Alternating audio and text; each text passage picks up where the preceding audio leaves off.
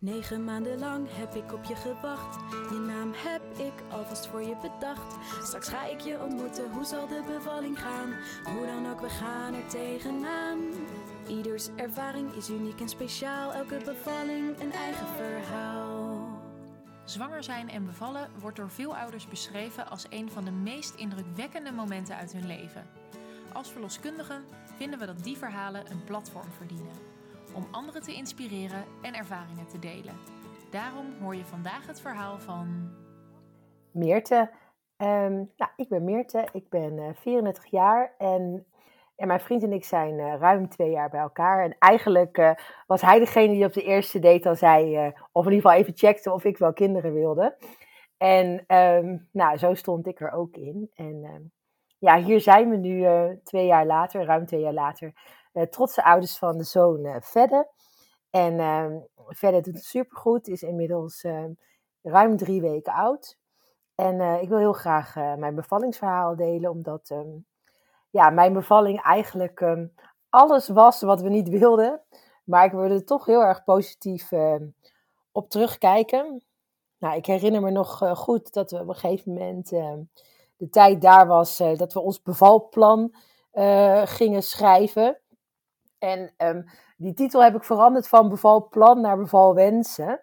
Uh, omdat we eigenlijk heel erg zoiets hadden van ja, we hebben wel heel erg een beeld van hoe we het graag zouden willen. Maar ook heel erg de modus van, um, maar het kan ook maar zo allemaal anders gaan en dan is het ook oké. Of dan moet het ook oké zijn. Dus als we dat nou heel erg vastleggen van uh, we willen thuis in bad en uh, kaarsjes en zoutlamp en noem het allemaal maar ja, als het dan niet zo gaat, um, wat doet dan die teleurstelling met je? Dus ja, um, ons beval wensen. En um, nou, gedurende de zwangerschap heb ik me eigenlijk heel erg ingelezen.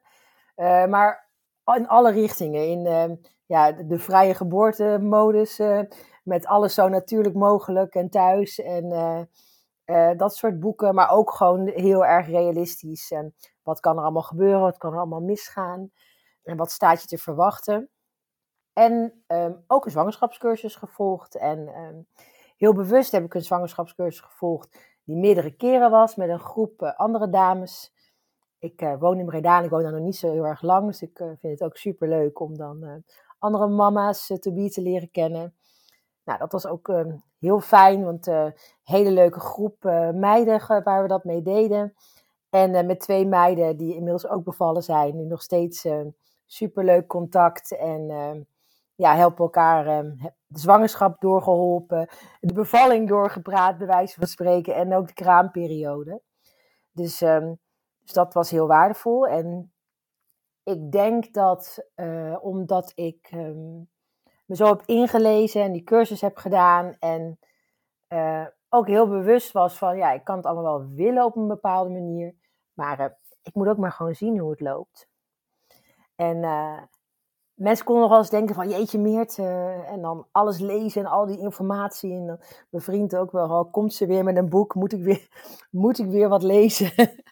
Hadden ook zo'n boek met van die sterretjes erbij. Wat hoofdstukken voor de partner. Zei, kijk, dit moet jij lezen. dat deed hij dan, arme schat, deed het dan ook nog netjes. Um, maar doordat ik zo geïnformeerd was, uh, gaf me dat juist heel veel rust. En um, dat heeft tijdens de bevalling ook heel erg geholpen. Want eigenlijk alles wat, uh, wat ze benoemde, wat er gebeurde, uh, had ik al wel eens van gehoord. Weet je, uh, de bekende schedelelektrode, het plakkertje, het zogenaamde plakkertje op het hoofd. Wat ze bij mij in het ziekenhuis wel goed zeiden, het draadje in het hoofd. dat ik wist dat het was en dat ik dan ook kon vragen van, goh, maar waarom dan? En kan het ook anders? En ehm, waarom is dit de beste optie? En dan ook gewoon ja, informed consent uh, noemen ze het dan ook wel. Gewoon geïnformeerd ja kunnen zeggen op iets. En, en je daar goed bij voelen. Dat is eigenlijk um, ja, een van de dingen die tijdens de bevalling um, de hele tijd aanwezig was. Dat ik doordat ik geïnformeerd was zelf uh, in mijn voorbereiding. En doordat uh, ze in het ziekenhuis gewoon echt heel netjes alles uitlegden, de tijd namen, mij hoorden, mijn wensen hoorden me heel goed heb gevoeld uh, bij het hele verhaal. Nou, voordat ik naar het bevallingsverhaal ga, wil ik ook wel even wat uh, over de zwangerschap vertellen, want dat heeft ook wel met mijn bevalling te maken. eerste trimester ben ik heel erg misselijk geweest. Daar heb ik ook medicatie voor gekregen. En ehm, dat ging gelukkig met een week of veertien over. En het tweede trimester, ja, dat zeggen ze ook wel. Dat was halleluja, dat was super fijn en leuk. En ik voelde me heel erg goed. En in het derde trimester voelde ik me helaas wat minder goed. Uh, ik kreeg erg last van maagzuur. Daar heb ik ook medicatie voor gekregen. En dat haalde het zuur wel weg. Maar ik moest eigenlijk elke avond overgeven. Dus kon mijn, mijn eten zakte gewoon eigenlijk niet meer verder dan mijn middenrif. En uh, dat klepje werkte niet helemaal goed. Dus ja, het was gewoon overgeven voor het slapen gaan. Anders werd ik echt wakker al overgeven. En dat kan ik je vertellen, is niet heel erg fijn. Nou, dat heb ik eigenlijk best nog wel heel erg lang volgehouden. Tot op een gegeven moment dat niet alleen maar mijn avondeten was, maar ook mijn lunch. En op een gegeven moment ook mijn ontbijt. En um, ja, allemaal eens een keer overgegeven. Dat is een behoorlijke aanslag op je lijf. Al je spieren spannen aan. Ik kreeg er harde buiken van. Het gaf me heel erg stress. En uh, ze hadden ook ontdekt dat mijn kindje waarschijnlijk wat aan de grote kant zou zijn. Dus ik was al doorverwezen naar de gynaecoloog. En eigenlijk uh, een beetje 1 plus 1 is 2, mogelijk grote baby. En uh, mijn klachten hebben besloten om in te leiden. Dat was het eerste vinkje van de, wat ik liever niet wou. dus inleiden. Ehm, nou, uitgebreid bij de gynaecoloog besproken ehm, hoe dat ging en wat allemaal de opties waren. En nou, zoals ik al eerder zei, ik had me goed ingelezen. Dus ik had allemaal vragen al aan de gynaecoloog. En uh, die zei eigenlijk één ding als allereerst: jij bent de baas. Ja, en dat maakte al. Ik denk dat dat eerste wat gezegd werd, dat maakte meteen uh, alles goed. Dat legde gewoon echt een hele goede basis voor al het contact en alle gesprekken die er in het ziekenhuis zijn geweest vervolgens. Uh, tijdens de bevalling en in de voorbereiding op de bevalling. Ja, ik ben de baas, dus ik had vragen en met alle geduld werd er op mijn vragen antwoord gegeven. En uh, we hadden samen een, eh, een, datum vastgesteld. En op donderdagmiddag uh, zou het ballonnetje geplaatst worden. Want er werd gekozen om een ballonnetje te plaatsen. Ze had mij gecontroleerd en het bleek ook dat we ook een ballonnetje konden plaatsen. En nou, zo gezegd, zo gedaan. Ik met mijn vriend op donderdag naar het ziekenhuis. Nou, controle, ballonnetje plaatsen. Heel raar, want je loopt met een slangetje aan je been vastgeplakt het ziekenhuis uit. Succes. En je mag naar huis. En eigenlijk wachten tot je ballonnetje eruit valt. Nou, dat ballonnetje moet, eh, wordt opgeblazen. En uh, als hij er dan uitvalt, dan heb je dus ontsluiting. Mijn vriend had wellicht nog de illusie dat we die avond nog rustig zouden zitten en s'nachts ook nog zouden slapen. Ik had niet die illusie, wel de hoop. Maar eh, ik heb eigenlijk heel de avond een beetje weeën gehad. Ja, een beetje voorweeënachtig gevoel. Want de ontsluiting werd natuurlijk gecreëerd door mijn lichaam om dat ballonnetje eruit te laten vallen. Nou, s ochtends mochten we om zes uur of half zeven, geloof ik, het ziekenhuis bellen. Het was het ballonnetje nog niet uitgevallen. Dus dat vond ik al niet zo heel chill. Ik denk, hé, verdorie ballonnetje niet uitgevallen. Maar ja hoor, ik ga na het telefoontje naar het ziekenhuis met de wc en het ballonnetje viel eruit. En uh, dat betekende um, dat als we in het ziekenhuis zouden aankomen, dan mochten we om half acht heen, um, dat uh, ze mijn vliezen door zouden gaan prikken. Nou, was ook, een, um, ook afgesproken van tevoren dat we dat zouden doen. Uh, vond ik ook niet erg, want ik dacht dat is eigenlijk niet een interventie met medicatie of iets. Weet je, dat is nog steeds, kunnen mijn eigen hormonen, want ik wilde heel graag dat mijn eigen hormonen die bevalling zouden gaan doen. En dat ik heel graag borstvoeding wilde gaan geven en dergelijke. En ik had er gewoon heel veel over gelezen. Van dat is wat je wil. Dus dat was ook wat ik wou. Nou, vervolgens uh, dus in het ziekenhuis. En uh, toen was de eerste schrik eigenlijk dat ik een mannelijke gynaecoloog had. Nog nooit van gehoord, gezien. Er bestaan dus mannelijke gynaecologen. Ik had een mannelijke gynaecoloog. En uh, die kwam, nou, welkom. Nou, ook nog een uh, artsassistent erbij. Nou, vind ik allemaal oké. Uh, weet je, iedereen moet het een keer leren. En nou, we gaan je, ik ga je vliezen doorbreken. En hij sprak een beetje anders als dat ik gewend was van de eerdere afspraak. was meer ik in plaats van we. Maar ik voelde ook wel de intentie van we gaan het samen doen. Maar hij zei eigenlijk van ja, we gaan de vliezen breken. En dan na een uurtje gaan we je weeënopwekkers toedienen. Toen dacht ik, ja, maar dat wil ik helemaal niet. Want ik wil dat mijn eigen weeën dat gaan doen. En dat kost tijd, had ik gelezen. Dat kon wel vier uur duren, had ik ergens gelezen. Dus, dus toen zei ik, nou, uh, uh, moet dat? Want eigenlijk wil ik daar wel wat langer mee wachten. Want uh, ik heb gelezen dat dat wel vier uur kan duren. Nou, toen hebben we eigenlijk compromis gesloten. Want hij vroeg ook aan mij van, hè, goh, waarom wil je dat nou? Waar, waar maak je je druk om? Nou, dat heb ik gewoon rustig kunnen uitleggen. Ik had het gevoel dat er echt naar me geluisterd werd. Dus dat vond ik echt super fijn. Nou, afgesproken van dat hij met een uurtje of twee uurtjes zou komen kijken. En dat we het dan weer eventjes over zouden hebben. Nou, dat uurtje of twee uurtjes werd de vier uur die ik graag wilde. Dus wij zijn daar ehm, ja, in het ziekenhuis. We hadden een bevalkamer met bad, wat we heel graag wilden. Uh, we hadden, ik had het maanlampje van Verdes Kamer meegenomen. Muziekje hadden we meegenomen. Dus het leek net een wellnessoord waar ik in bad zat te chillen. En na een uurtje uh, kwam de assistent bij mij. Um, je kleine vindt het niet zo leuk in bad. Die had echt een hartslag van 180 of 190. Die had het een beetje warm, denk ik. Dus ik uit bad. Nou, ik heb in ieder geval mijn uurtje bad gehad. en vervolgens ging de hartslag weer naar beneden. En nou, ik ben onder de douche gegaan. Ik heb een beetje door de kamer heen gelopen. En uh, vier, vier uur, vier en een half uur later um, kwam uh, de gynaecoloog en de artsassistent. Nou, ik ging eventjes uh, controleren wat de stand van zaken was. Nou, toen heb ik aangegeven, ik hoef het niet te weten. Ik hoef niet te weten hoeveel ontsluiting ik heb. Ik wil alleen maar horen van het vordert goed of het vordert niet goed. Want anders ga ik heel erg op die centimeters focussen en denk dat gaat mij niet helpen. Ik wil gewoon uh, het gaat goed of het gaat nog niet goed genoeg. Dat kan ook. Nou, helaas was dat het gaat niet goed genoeg. En toen was ik toch heel nieuwsgierig. Dus toen zei ik, nou hoeveel centimeter dan? Nou, er was in 4,5 uur een halve centimeter bijgekomen. Ik voelde wel mijn eigen weeën, maar ik voelde ook dat er onvoldoende regelmaat was.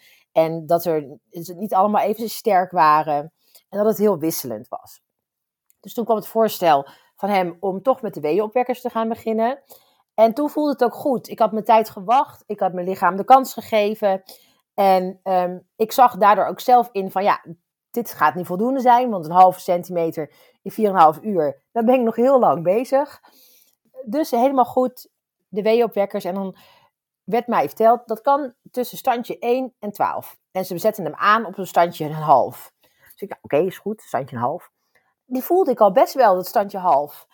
Uh, dus daar hebben we een half uurtje of drie kwartier mee gezeten. En toen kwam een van de verpleegkundigen die zegt, vind je het goed als ik hem uh, omhoog zet naar standje 1? Nou, uh, ik zeg, goh, is dat nodig? Want ik voel al wel weeën. En het is nu wel intenser en regelmatig. Nou, gaf ze heel netjes antwoord op. Zegt, nou, dat doen we eigenlijk bijna altijd. Want het standje een half is meer het opstartstandje, om het maar zo te zeggen. Dus ik zei, nou, weet je, oké, prima. Ik dacht, wat kan een half standje meer kwaad? Nou, daar dacht ik vijf minuten later anders over. Want toen, toen zat ik in een weeënstorm. En nou, wat voor mij de weeënstorm inhield, is ik had denk ik echt een paar seconden tussen elke wee.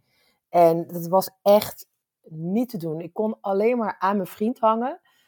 En uh, ik heb echt volgens mij na vijf minuten al gevraagd om een ruggenprik. Ik denk, dit, dit, dit ga ik niet volhouden. Ik weet dat ik net 4 centimeter had, dus ik moet nog 6 centimeter. En dat duurt ongeveer zoveel uur meestal. Mm, gaat hem niet worden. Uh, dus toen kreeg uh, mijn vriend heel netjes een soort van infographic sheet met uh, alles over de rugprik. Wat je dan even mag doorlezen. Ik weet niet hoe hij dat heeft gelezen, want ik hing constant aan hem. En hij was dat aan het doorlezen. En toen kwam ze even later terug. Heb je het doorgelezen? Ja, zegt mijn vriend. En ik heb eigenlijk vanaf dat moment heb ik gezegd van alle communicatie doet Thijs. Want ik, er gaat niet meer lukken communicatie aan deze kant. Nou, toen hebben ze eigenlijk ook meteen de weeopwekkers uh, stilgezet. Dus toen dacht ik, oké, dit gaat helpen. Die weeopwekkers staan uit, dus dan kom ik uit mijn weeënstorm. Nee, want mijn lichaam dacht, dat is leuk, zo'n weeënstorm. Dat kan ik ook. Dus eigenlijk ging het gewoon door, de weeënstorm ging gewoon door op mijn eigen hormonen. Waar je dan eigenlijk niet blij mee bent, maar ergens was ik ook wel blij, want ik dacht heel erg, en dat zei ik ook hardop, moest de verpleegkundige nog een beetje om lachen. Ik zeg, ja, maar dit is goed, want dit zijn mijn eigen hormonen. En dan kan ik straks borstvoeding geven. En ik zat helemaal in de positieve affirmaties van, dit is goed, en uh, uh, dit gaat me helpen, want uh, eigen hormonen, dat doen allemaal goede dingen voor me. En in de cursus heb ik geleerd van je hebt een goed potje en een slecht potje waar je in kan zitten. En dan kan ik energie uit het goede potje halen. Maar ik wilde nog wel die ruggenprik hoor, want ik dacht dit gaat hem niet worden. En die werd gelukkig uh, vrij snel gezet. Dus ze kwamen ook naar de kamer. Hè. Soms moet je ook naar de OK, dus een beetje wisselen. Maar ze kwamen op de kamer en ehm, ik moet zeggen, ik ben hier wel een beetje het tijdsbesef kwijtgeraakt. Dus ik weet niet meer precies hoe laat alles was. Maar ze kwamen op de kamer de ruggenprik zetten. En uh, ja, ook hier weer super goed geholpen. En er kwam een verpleegkundige voor me staan en die, die kon ik me aan vasthouden. En zeg het maar als je een B hebt en eh, waar je dan behoefte aan hebt. Dus er werd heel erg naar mij geluisterd en naar mij gekeken. En eh, ja, dat was super fijn. En uh, dus werd de ruggenprik gezet. Voordat de ruggenprik werd gezet, ik was natuurlijk even aan het wachten. Ik denk dat het misschien een kwartiertje tot een half uur heeft geduurd. Tot daadwerkelijk de ruggenprik gezet kon worden. En ik dus in mijn weeënstorm klaar lag op bed tot die mensen kwamen om de ruggenprik te zetten. Nou, ik herinner me nog, ik moet neus in, mond uit ademen. Hè, de cursus. En uh, als het niet lukt, kan je nog in meerdere keren uitademen. Had ik ook allemaal goed onthouden. Maar, uh, en de, de verpleegster zei het ook. Mijn vriend zei neus in, mond uit. En ik zei, nee, um, neus in, schreeuwen uit. ik kon alleen maar uitschreeuwen. En ik denk, en mijn vriend zei achteraf, nou uh, ik denk dat heel route 28 uh, je gehoord heeft. dat zeggen we de route in het ziekenhuis. Achteraf wel om kunnen lachen. En achteraf heb ik mezelf ook een beetje uitgelachen. Want ik heb dus echt liggen schreeuwen alsof het... Uh, de Ring of Fire noemen ze dat geloof ik, alsof ik 10 centimeter had, maar ik had nog niet eens 5. Maar het deed zozeer die weeënstorm. Het was echt uh, pff, dat ik heb kunnen bedenken dat ik zonder ruggenprik wilde bevallen. Dat kon ik me op dat moment even niet beseffen. Maar gelukkig kwam snel, relatief snel de ruggenprik. En um, dit klinkt misschien een beetje gek, maar die was gelukkig niet helemaal goed gezet. Waardoor ik nog wel wat gevoel heb. En ik kon ook mijn benen optillen. En ik kon ook nog zelf op handen en knieën gaan zitten als ik dat wou. Dus dat was eigenlijk wel heel erg fijn. Want ik gaf ook aan, ik, heb gelezen, ik wil graag op handen en knieën zitten. Want uh, uh, dan heb je, bekken heeft dan heel veel ruimte. En uh, ja, zo wil ik het graag straks. Ze zegt, nou, als het niet zelf lukt, dan helpen we je gewoon. Dus ook daar weer zo'n moment. Ik word gehoord, mijn wensen worden gehoord. En ja, gewoon super fijn. Dus ruggenprik erin, weeën opvangen. En toen ging het eigenlijk super snel. Toen was ik vrij vlot op 6 centimeter.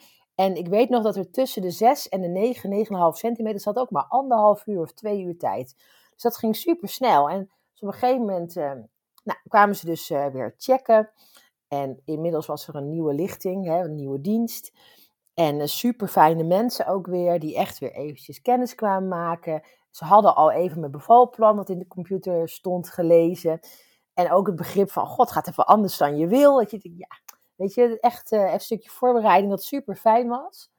Nou, toen werd ik uh, gecontroleerd en nou, het is ruim 9 centimeter, 9,5 centimeter ontsluiting. En ik begon ook al een beetje persdrang. Ik zeg, ik voel de druk en ja, voel je dit? En dat ik ja, ik heb persdrang. Denk, dit, dit wil ik. En, en ik nog helemaal blij roep, op mijn eigen hormonen.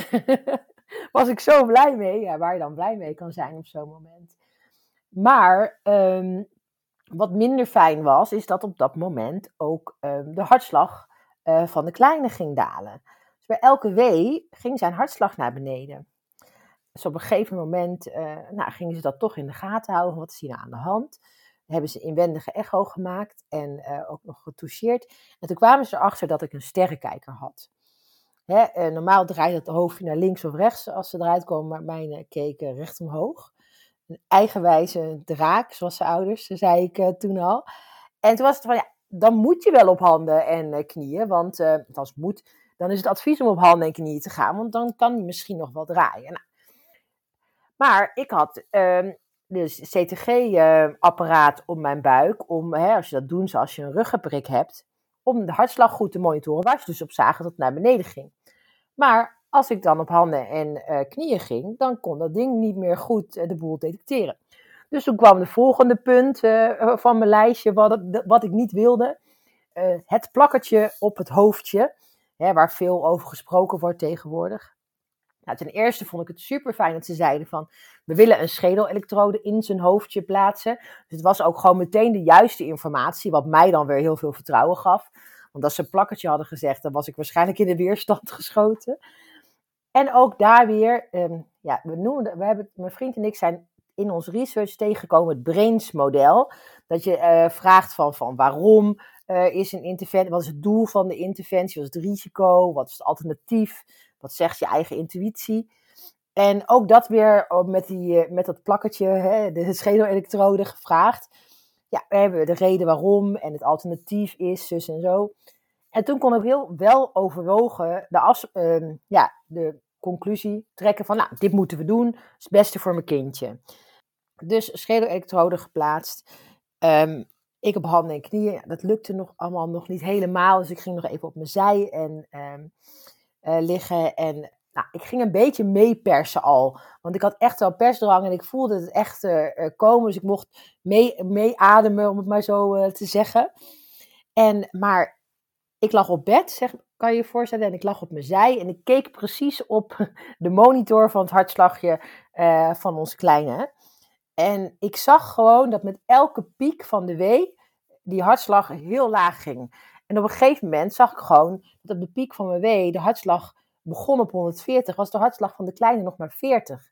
En op een gegeven moment nog maar 30. Nou, en dan ze kwamen binnen ook van ja, het gaat echt niet goed met zijn hartslag en we gaan je nu weerremmers geven. En dat was eigenlijk de eerste keer dat ze zeiden, we gaan nu dit doen. En dat voelde helemaal oké. Want ze hebben daarvoor alles in overleg met me gedaan. Dus op het moment dat ze een knoop doorhakken van we gaan nu dit met je doen, ehm, heb je daar alle vertrouwen in. Omdat ja, ze daarvoor zo goed naar je geluisterd hebben en alles met je gecommuniceerd hebben. Nou, toen stopte de weeën. Dat duurde ongeveer 10 minuten, kwartiertje. En dan was het idee, als de weeën weer beginnen, hopen we uh, dat dat normaliseert, uh, die hartslag. De gynaecoloog was er op dat moment ook al even bijgekomen naast de verloskundige. En toen kregen mijn vriend en ik te horen van, nou, we hebben nu drie opties. Of uh, hij gaat dadelijk nog draaien en uh, de hartslag blijft goed en je kan normaal bevallen. Of het wordt een kunstverlossing, dus een vacuümpomp of een keizersnede. Verwachten we niet meteen. Hè, we hebben nog wat opties die we kunnen proberen. Maar weet, dit zijn de mogelijkheden die nu komen. Nou, toen liep iedereen weer de kamer uit en dan bleven wij even met z'n tweeën. En toen hadden we echt wel even een emotioneel momentje. Maar dat, ja, ze zeggen zo'n bevalling brengt je nog dichter bij elkaar. Nou, dat hadden we op dat moment ook echt. Het was een heel bijzonder moment samen. En ja, vrij snel kwamen mijn weeën toen alweer terug. En toen dacht ik, ja, ik zeg tegen een vriend, ja, het gaat goed. Kijk, zijn hartslag daalt niet. Het gaat goed. Maar ja, dat waren, was de eerste wee of de tweede wee. Maar de derde wee, die werd alweer intenser. Ja, en die hartslag ging weer naar beneden. Dus uh, ik bellen naar de, naar de verpleegkundige en de verloskundige. En toen kwamen die binnen. Ik zeg, ja, uh, bij elke piek van de wee, als ik dit voel en dit doe, dan gaat zijn hartslag naar beneden. Want ik voel hem dalen. En, en die, toen moest die vrouw zo'n beetje lachen. Ja, wij zien ook de monitor. Ik zeg, ja, maar dan kan ik je erbij vertellen wat ik dan voel als, als dat gebeurt. Het is heel bijzonder hoe rationeel je wordt op zo'n moment. Want je wil gewoon een goede uitkomst. Je hebt vertrouwen in het personeel. Je hebt vertrouwen. Ik had nog steeds heel veel vertrouwen in mijn lijf. Want ik voelde, ik ga dit kindje eruit persen. Um, nou, toen zijn ze eigenlijk even gaan kijken nog. Maar eigenlijk vrij snel al de conclusie van nee, um, dit wordt een keisnee. Want die hartslag blijft dalen. En bij elke wee daalde het verder. En het werd niet beter. En ik wist ook, ja, dit is wat we moeten doen. En uh, eigenlijk was het, uh, ja, je mag je spullen in gaan pakken. We gaan jou klaarmaken. En we gaan naar elkaar en je komt niet meer terug op deze kamer. Nou, wij hadden heel ons huishouden meegenomen ongeveer. Aan spelletjes en lampjes en muziek. Dus mijn vriend was een gek alles inpakken.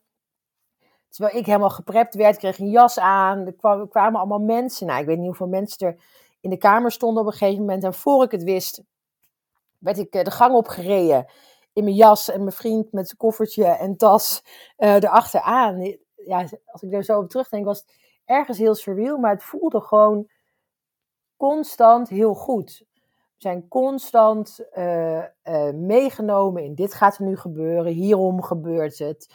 Um, als ik een vraag had, had ik alle tijd genomen die vraag te beantwoorden. Ondanks dat ik dingen hoorde als feutale nood en, en noem het maar, had ik niet het idee van het gaat mis. Ik had het idee, het gaat niet zoals ik het wil. Maar ze weten wat ze moeten doen. En ik heb dadelijk mijn kindje in mijn armen. Het is jammer dat het niet is gelukt zelf. Maar ze gaan er gewoon nu uithalen. En dan heb ik dadelijk mijn kindje in mijn armen. En dan is het allemaal goed. En op het moment dat ik wist dat ik een keisnee kreeg, heb, ik wel even gehuild. En zei, ik wil mijn golden hour. Dat is het enige waar ik heb gezegd. Ik wil mijn golden hour. Wat jullie ook doen, ik wil mijn golden out. Zeiden ze ook heel goed, weet je, daar gaan we voor zorgen. En dat vinden wij ook heel belangrijk. En we gaan ervan uit dat het gewoon mogelijk is. Kijk, als er iets met je kindje is, moeten we eerst even je kindje helpen. Maar hè, dat zal waarschijnlijk niet zo zijn. En dan kan je gewoon je kindje op je borst krijgen. Dus ik had zoiets van, oké, weet je, dat hebben ze gezegd. Ik ga mijn golden hour krijgen. Ik heb mijn eigen hormonen. Komt allemaal goed. Nou, eenmaal op de OK uh, werd de ruggenprik opnieuw uh, goed gezet. En uh, ik denk dat het vijf minuten duurde en mijn kindje was er. En het was zo bijzonder. Ik, ik werd dus helemaal neergelegd op die tafel. Ik kreeg een blauw doek voor mijn hoofd. En voor mijn gevoel, en mijn vriend kwam achter me zitten. Die vroeg nog, mag ik kijken? Dus die ging staan. Die heeft echt het hele gebeuren gefotografeerd en gezien. Dus we hebben die foto's ook al super vaak samen teruggekeken. En um, op een gegeven moment, na een paar minuten dat ze bezig waren, ik voelde wel een beetje getrek aan mijn buik, maar helemaal geen pijn, niks. Wil je kijken? werd er gevraagd. Nou, wil je kijken? Ja, ik wil kijken. Dus op een moment ging dat blauwe doekje naar beneden en bleef er een uh, soort van plastic schermpje over. En ik zie gewoon uh, dat ons zoontje uit mijn buik wordt gehaald. En ik kan er nu weer tranen in mijn ogen van krijgen als ik eraan denk. Het was alsof iedereen in de kamer was verdwenen, dat alleen ons gezinnetje daar was. En ik zei, welkom verder, welkom. En dat was zo mooi. En ik begreep later, mijn vriend is op dat moment begonnen met huilen en die heeft een kwartier lang alleen maar gehuild. En volgens mij waren er zelfs verpleegsters die ook gingen huilen, omdat hij alleen maar aan het huilen was. En, um, maar het was sowieso, ze hebben hem eruit gehaald en ze hebben meteen eventjes bij mij gehouden. Dus ik heb meteen een foto, dus zijn hoofd bij mijn hoofd. En toen hebben ze hem weer even meegenomen om even schoon te maken en te checken. Maar wel binnen mijn gezichtsveld. Ze konden de hele tijd naar hem kijken. En mijn vriend was dan, de navelstreng was natuurlijk al doorgeknipt. Maar dan symbolisch nog een keer doorknippen. En toen hebben ze hem meteen op mijn borst gelegd. En heeft gewoon heel de tijd op mijn borst gelegen. En ik heb alleen maar, ook toen hij bij mijn vriend lag en de navelstreng door was geknipt. Ik heb gewoon de hele tijd gepraat. Welkom verder. Um, we zijn hier, je komt zo bij me liggen. En toen hij op me lag, wat lig je lekker op me? Wat ben je lief? Wat ben je rustig? Gewoon, gewoon constant tegen hem gepraat. En hij is alleen maar even van mijn borst af geweest toen ik van tafel moest verwisselen. Toen eigenlijk de operatie klaar was. En dan ga je naar de uitslaapkamer. En eenmaal op de uitslaapkamer, uh, twee hele lieve dames die uh, vervolgens gewoon eventjes alle checks doen. En toen uh, hapte ze verder al aan. Zij lag nog steeds op de borst en toen ging hij al drinken uit mijn borst. En het was gewoon ja, precies wat je wil. Weet je zo die golden hour, dat hij aan het einde van de rit je tepel heeft gevonden en, en begint te drinken. En mijn vriend heeft het nog steeds over het personeel allemaal in de OK en, en ook op de uitslaapkamer, op de verloskamers. Uh, hoe lief die allemaal waren en hoe meedenkend. Er was iemand die constant foto's heeft gemaakt. Mijn vriend kon alles vragen en foto's maken. Ze hebben nog helemaal de placenta laten zien aan hem en hoe het werkte. Het was zo warm en zo fijn. Ja, voor mij, voor mij was er toen alleen verder. Dus ik heb niet al die mensen meegekregen. Ik vind het heel fijn dat ze heel lief waren. maar ik denk dat als dat niet zo was geweest, dat, dat, dat er, ik ook niet de kans had gehad, omdat het voor mij alleen mij en verder was en Thijs. Dus dat was gewoon super fijn. En daarna zijn we naar de gezinssuites gebracht. Uh, een suite waar mijn vriend ook gewoon drie nachten kon blijven slapen. Er stond ook een bed voor hem. Zo ontzettend fijn geholpen, die drie nachten. Ook heel bewust in onze bubbel gekropen. Mijn schoonouders zijn heel kort even op bezoek geweest. En dat was eigenlijk te veel. Toen hebben we gezegd van nou, zolang in het ziekenhuis geen bezoek. En uh, ja, gewoon echt met z'n drietjes geweest. Het was zo fijn. En we zouden ook op zondag naar huis mogen. En toen zei ik, ja, het voelt nog niet helemaal goed. En toen zijn we nog één nachtje gebleven. Zijn we op maandagochtend naar huis gegaan. En uh, dat voelde ook, dat klopte gewoon. En ik denk dat we tien minuten, een kwartiertje thuis waren. En, en toen kwam de kraamzorg. Nou, in het ziekenhuis al alle dagen borstvoeding kunnen geven. En uh, ja, toen kwam de kraamzorg. En we hadden een, een zelfstandige kraamzorg. Dus dat is eigenlijk, wil dat zeggen, in, ons geval was het iemand die wel aangesloten was bij een grote organisatie met een nul uren contract. En eigenlijk elke maand een voorkeursgezin heeft. En ze had gekraamd bij goede vrienden twee keer. En uh, daar hadden we hele goede verhalen over gehoord. Dus we hadden haar gebeld of ze ook bij ons wilde kramen. En dat was een heel goed gesprek geweest. Dus dat wilde ze. Dus we wisten ook wie er kwam. En dat we ook de volle tijd hadden. En vanwege de keisnede kregen we ook nog uh, extra dagen kraamzorg. ja, onwijs fijne en warme kraamperiode gehad met Edith. En ehm, ja, zij is heel rustig en ja, wij zijn allebei vrij, energiek. Dus, uh, dus dat was heel fijn om iemand te hebben die gewoon alle rust heeft. En ook hier de wens weer van de borstvoeding heeft ze me super goed mee geholpen. Waardoor ik ook nu nog steeds borstvoeding geef. En um, ja, dat is gewoon heel fijn geweest. En uh, die kraamperiode is heel fijn geweest. En gun ik iedereen zo'n kraamzorg uh, als Edith. En uh, zat gewoon alle focus op mij en verder. En um, de eerste dag, nacht thuis was wel pittig.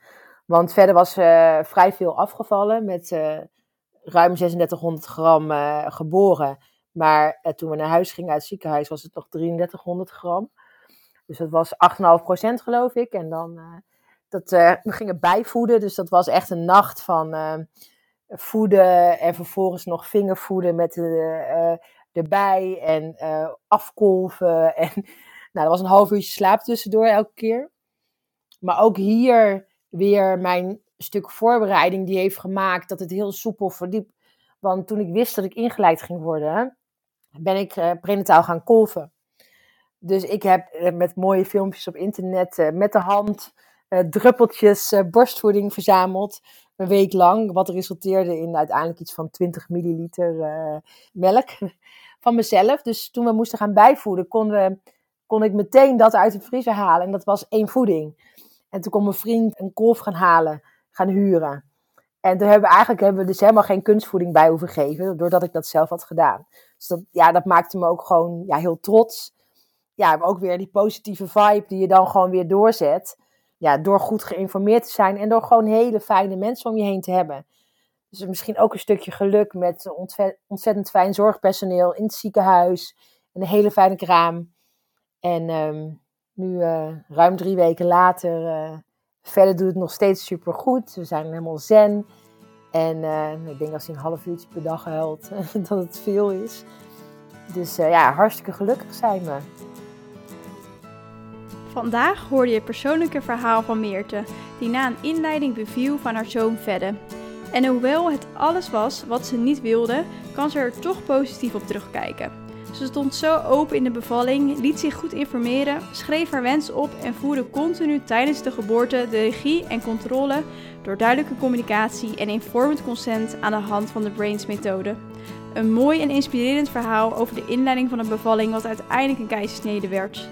Wij geloven dat het delen van eerlijke en inspirerende ervaringen als deze niet alleen heel leuk is, maar ook een positieve bijdrage levert op de kijk van zwanger zijn en bevallen. En dat is nou precies ons doel. Fijn dat je weer luisterde en tot de volgende keer.